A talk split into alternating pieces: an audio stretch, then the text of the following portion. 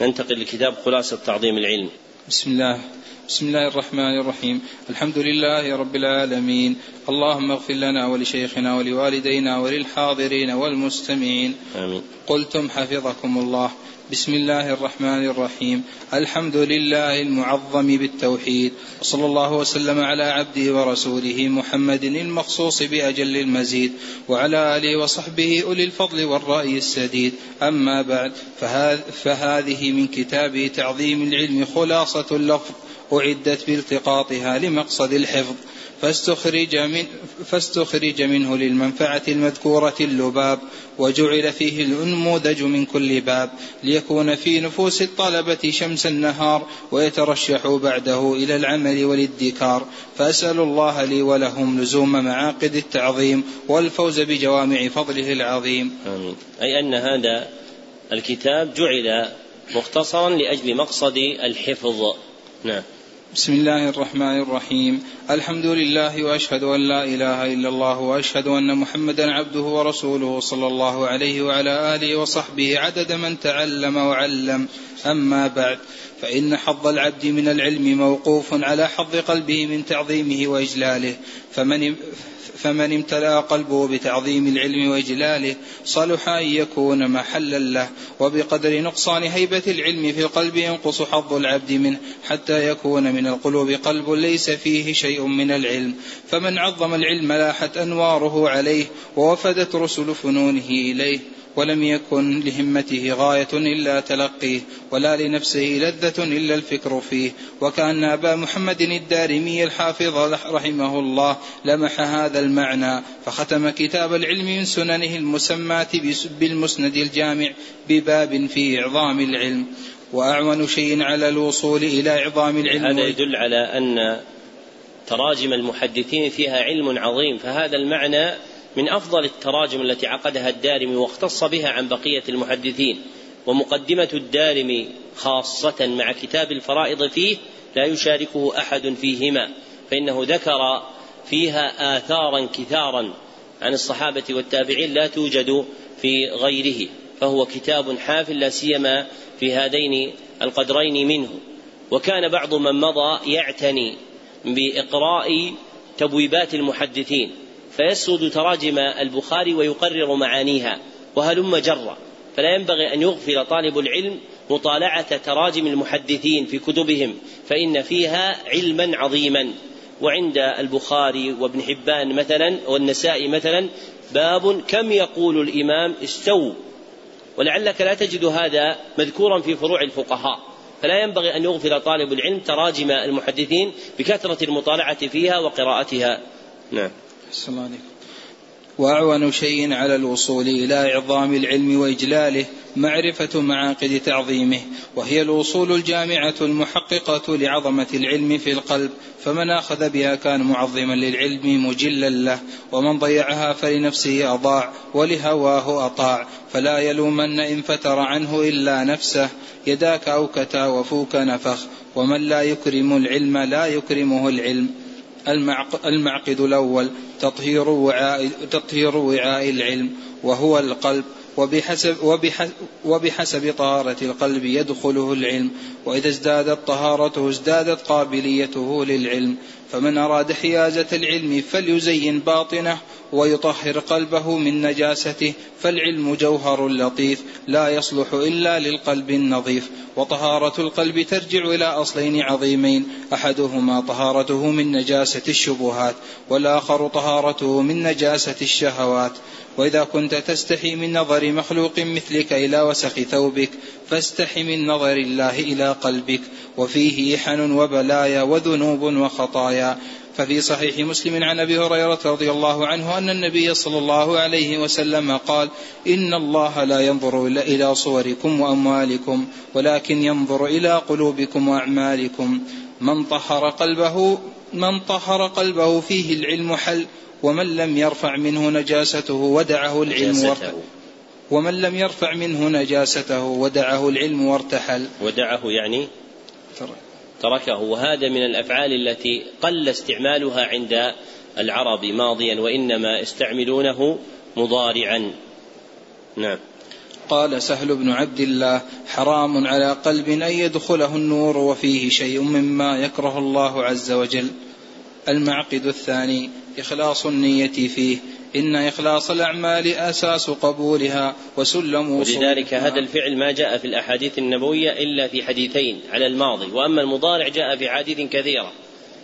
والهذان الحديثان أحدهما حديث من ودع ثلاث جمع والآخر حديث من تعلق تميمة فلا ودع الله له. نعم. إن إخلاص الأعمال أساس قبولها وسلم وصولها. قال تعالى وما أمروا إلا ليعبدوا الله مخلصين له الدين حنفاء وفي الصحيحين عن عمر رضي الله عنه أن رسول الله صلى الله عليه وسلم قال الأعمال بالنية ولكل امرئ ما نوى لماذا ساق المصنف هذا الحديث بهذا اللفظ؟ الأعمال بالنية ولم يقل الأعمال بالنيات لم يورد لفظ الأعمال بالنيات. لأنه المتفق عليه فاللفظ الذي اتفق عليه الأعمال بالنية وأما الجمع بالنيات عند البخاري وحده. نعم. أحسن عليك. وما سبق من سبق ولا وصل من وصل من السلف الصالحين إلا, إلا بالإخلاص لله رب العالمين. قال أبو بكر المروذي رحمه الله تعالى سمعت رجلا يقول لأبي عبد الله يعني أحمد بن حنبل وذكر له الصدق والإخلاص. فقال أبو عبد الله بهذا ارتفع القوم وإنما ينال المرء العلم على قدر إخلاصه. ما الفرق بين الصدق والإخلاص؟ لا حتى الصدق حتى في الأعمال القلبية الصدق. قال ابن القيم الصدق توحيد المراد والإخلاص توحيد الإرادة. الصدق توحيد المراد والإخلاص توحيد الإرادة. فالصادق مع الله هو الذي يكون مراده الله وحده والمخلص هو الذي إذا قصد هذا المراد لم تكن في إرادته التفات إلى سواه. نعم. أحسن الله عليك. والإخلاص في العلم يقوم على أربعة أصول. بها تتحقق نية العلم للمتعلم إذا قصدها. الأول رفع الجهل عن نفسه بتعريفها ما عليها من العبود من العبوديات وإيقافها على مقاصد الأمر والنهي. الثاني رفع الجهل عن الخلق بتعليمهم وإرشادهم لما فيه صلاح دنياه دنياهم وآخرتهم. الثالث إحياء العلم وحفظه من من الضياع. الرابع العمل بالعلم. ولقد كان السلف رحمه جمعنا هذه المعاني الأربعة في بيتين. هما أحسنت. قلنا ونية للعلم رفع الجهل عم. ونية للعلم رفع الجهل عم. من العموم عن نفسه فغيره من النسم يعني الخلق. وبعده التحصين للعلوم من وبعده التحصين بالنون للعلوم من ضياعها وعمل به زك وعمل به زك يعني ثبت. نعم. السلام ولقد كان السلف رحمهم الله يخافون فوات الإخلاص في طلبهم العلم فيتورعون عن فيتورعون عن ادعائه لأنهم لم لا أنهم لا أنهم. فيتورعون عن ادعائه لا أنهم لم يحققوه في قلوبهم. سئل الإمام أحمد هل طلبت العلم لله؟ فقال لله عزيز ولكنه شيء حبب إلي فطلبته. ومن ضيع الإخلاص فاته علم كثير وخير وفير. وينبغي لقاصد السلامة أن يتفقد هذا الأصل وهو الإخلاص في أموره كلها دقيقها وجليلها سرها وعلنها ويحمل على هذا التفقد ويحمل على هذا التفقد شدة معالجة النية. قال سفيان الثوري رحمه الله تعالى ما عالجت شيئا أشد علي من نيتي أشد علي من نيتي لأنها تتقلب علي. لماذا تتقلب؟ لأن محلها القلب والشاعر يقول ما سمي القلب ما سمي القلب لا ما سمي القلب إلا من تقلبه فاحذر على القلب من قلب وتحويله. نعم. بل قال سليمان بل قال سليمان الهاشمي رحمه الله تعالى ربما أحدث بحديث واحد ولي في ولي نية فإذا أتيت على بعضه تغيرت نيتي فإذا الحديث الواحد يحتاج إلى نيات. نعم. المعقد الثالث جمع همة النفس عليه. تجمع الهمة على المطلوب بتفقد ثلاثة أمور. أو أولها الحرص على ما ينفع فمتى وفق العبد إلى ما ينفعه حرص عليه. ثانيها الاستعانة بالله عز وجل في تحصيله. ثالث ثالثها عدم ثالثها عدم عدم العجز عن بلوغ البغية منه. وقد جمعت هذه الأمور هذه الأمور الثلاثة في الحديث الذي رواه مسلم عن أبي هريرة رضي الله عنه أن النبي صلى الله عليه وسلم قال احرص على ما ينفعك واستعن بالله ولا تعجز. قال الجنيد رحمه الله ما طلب ما طلب أحد شيئا بصدق بجد وصدق إلا ناله فإن لم ينله كله نال بعضه. وقال ابن القيم رحمه الله تعالى في كتاب الفوائد وإذا طلع نجم الهمة في إذا. طلع نجم الهمة في ظلام ليل البطالة وردفه قمر العزيمة أشرقت الأرض بنور ربها. وإن مما يعلي الهمة ويسمو بالنفس اعتبار حال من سبق اعتبار حال من سبق. وتعرف همم القوم الماضين. فأبو عبد الله أحمد بن حنبل كان وهو في الصبا ربما أراد الخروج قبل الفجر إلى حلق الشيوخ.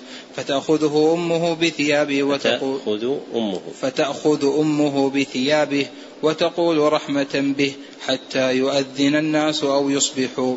وقرأ الخطيب البغدادي رحمه الله تعالى صحيح البخاري كله على إسماعيل الحيري. على إسماعيل الحيري في ثلاث مجالس. ثلاثة. في ثلاثة مجالس.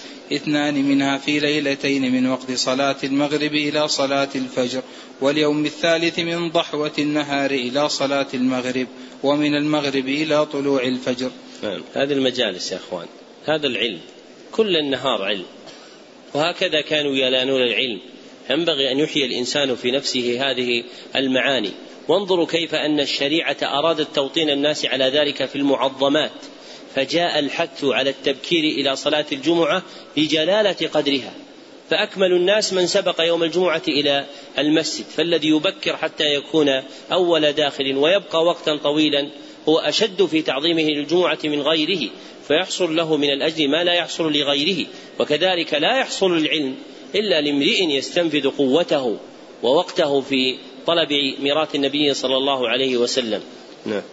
أحسن عليك وكان أبو محمد بن التبان أول ابتدائه يدرس الليل كله فكانت أمه ترحمه وتنهاه عن القراءة بالليل فكان يأخذ المصباح ويجعله تحت الجفنة شيء من الآنية العظيمة ويتظاهر بالنوم فإذا رقدت أخرج المصباح وأقبل على الدرس فكن رجل رجله في الثرى ثابتة فكن, فكن رجل رجله على الثرى ثابتة وهامته همة فوق الثريا سامقة. وهامة همته. وهامة, وهامة همته فوق الثريا سامقة. ولا تكن شاب البدن أشيب الهمة فإن همة الصادق لا تشيب. كان أبو الوفاء بن عقيل أحد أذكياء العالم من فقهاء الحنابلة ينشد وهو في الثمانين. ما شاب عزمي ولا حزمي ولا خلقي ولا ولائي ولا ديني ولا كرمي وإنما اعتاض شعري غير صبغة غير صبغته والشيب في الشعر غير الشيب في الهمم. غير غير الشيب والشيب في الشعر غير الشيب في الهمم. المعقد الرابع صرف الهمة فيه إلى علم القرآن والسنة. إن كل علم نافع مرد إلى كلام الله وكلام رسوله صلى الله عليه وسلم. وباقي العلوم إما خادم لهما فيؤخذ منه ما تتحقق به الخدمة أو أجنبي عنهما فلا يضر الجهل به. وما أحسن قول عياض اليحصبي في كتابه الإلماع العلم في أصلين لا يعدوهما إلا المضل عن الطريق اللاحب. علم الكتاب وعلم الآثار التي قد أسندت عن تابع عن صاحب. طريق اللاحب يعني الواضح نعم.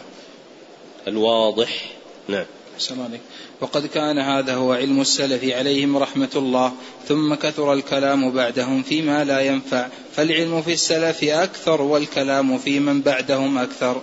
قال حماد بن زيد قلت لأيوب السختياني رحمه الله العلم اليوم أكثر أو فيما تقدم؟ فقال الكلام اليوم أكثر والعلم فيما تقدم أكثر. هذا في زمانه فكيف في زماننا؟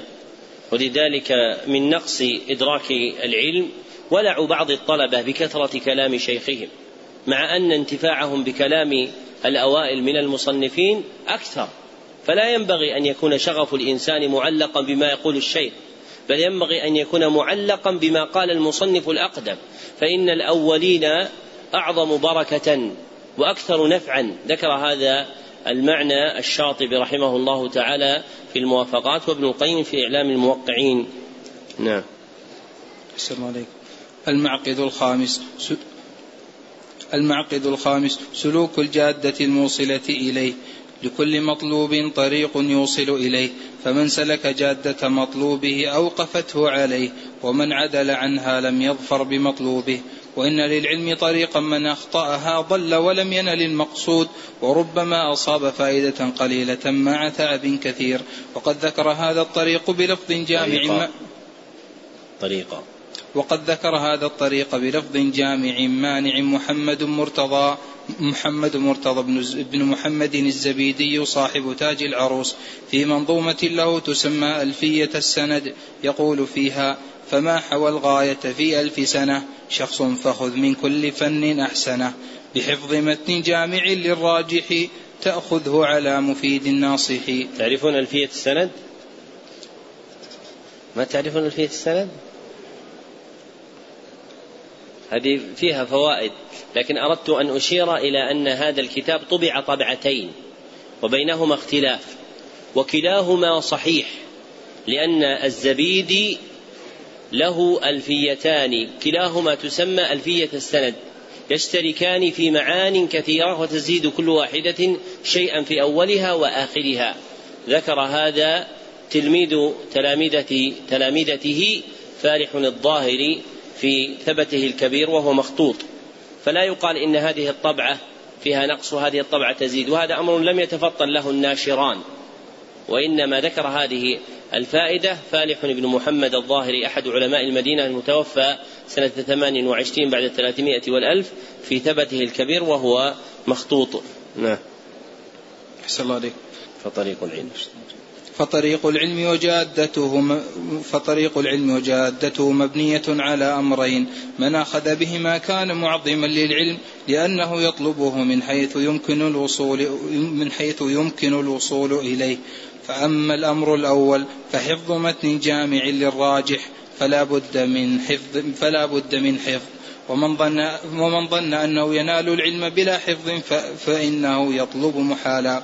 والمحفوظ والمحفوظ المعول عليه هو المتن هو المتن الجامع للراجح أي المعتمد عند أهل الفن.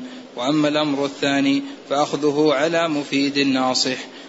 فتفزع إلى شيخ فتفزع إلى شيخ تتفهم عنه معانيه. معانيه. فتفزع إلى شيخ تتفهم عنه معانيه يتصف بهذين الوصفين. أولهما وأولهما. أولهما الإفادة وهي الأهلية في العلم فيكون ممن عرف بطلب العلم وتلقيه حتى أدرك فصارت له ملكة قوية فيه والأصل الثاني في هذا الوجه. والأصل في هذا. والأصل في هذا والأصل في هذا ما أخرجه أبو داود في سننه بإسناد قوي عن ابن عباس رضي الله عنهما أن النبي صلى الله عليه وسلم قال تسمعون ويسمع منكم ويسمع ممن يسمع منكم والعبرة بعموم الخطاب لا بخصوص المخاطب فلا يزال من معالم العلم من معالم العلم في هذه الأمة أن يأخذه الخالف عن السالف. أما الوصف الثاني فهو النصيحة وتجمع معنيين اثنين. أحدهما صلاحية الشيخ للاقتداء به والاهتداء بهديه ودله وسمته والآخر معرفته ولذلك عندما يقال أخذ العلم عن الشيوخ كما تقدم تأخذ عنه بالحفظ وتأخذ عنه بالفهم وتأخذ عنه بالعمل. ولذلك كلما كان الشيخ أكبر سنا وأكثر عملا كلما كان أولى بالملازمة والاقتداء. فالجري وراء الشباب لا يفي بهذا فإن الشيطان منهم أقرب وتسلطه عليهم أعظم كما ذكره أبو محمد بن قتيبة في مختلف الحديث. ولم تزل وصية السلف رحمه الله رحمهم الله تعالى بأخذ العلم عن الأكابر أي الذين جمعوا مع جلالة العلم كبر السن. ولا يمنع هذا الاستفادة ممن دونهم لكن لا ينبغي أن يستغنى بالشباب مع وجود الكبار. وكان المدركون لهذا المعنى يمتنعون من عقد مجالس الدرس. إذا كان كبير السن والعلم في البلد له درس. فإذا توفي جعلوا في محل الأوقات التي كان يشغلها دروسا. فإن من علماء الرياض العالمان المشهوران اللذان توفي أحدهما وهو الشيخ عبد الله بن غضيان وبقي الآخر وهو الشيخ صالح بن فوزان الفوزان لم يكونا يضعان درسا. في وقت الدروس التي تكون عند فضيلة الشيخ عبد العزيز بن باز رحمه الله تعالى. فكان هؤلاء يدركون حقيقة العلم وأن الشباب ينبغي أن يصرفوا إلى الأكابر وأن لا يشغلوا بمن دونه بمن دونهم. لا في الوصية بهم ولا في الحث عليهم ولا بمزاحمتهم في أوقاتهم. ينبغي أن تحرصوا على الأخذ عن الأكابر لأن الانتفاع بهم أصدق. نعم. الله عليك. والآخر معرفته بطرائق التعليم بحيث يحسن تعليم المتعلم ويعرف ما يصلح له وما يضره وفق التربية العلمية التي ذكرها الشاطبي في الموافقات. وهذا آخر التقرير على هذه الجملة من الكتاب ونستكمل بقيته بإذن الله سبحانه وتعالى بعد صلاة العشاء ولعلكم تنبهون القائمة على تسجيل الدرس وصوتياته أنه بعد العشاء درس. وبعد المغرب درس الشيخ عبد الرزاق العباد بإذن الله تعالى والحمد لله رب العالمين.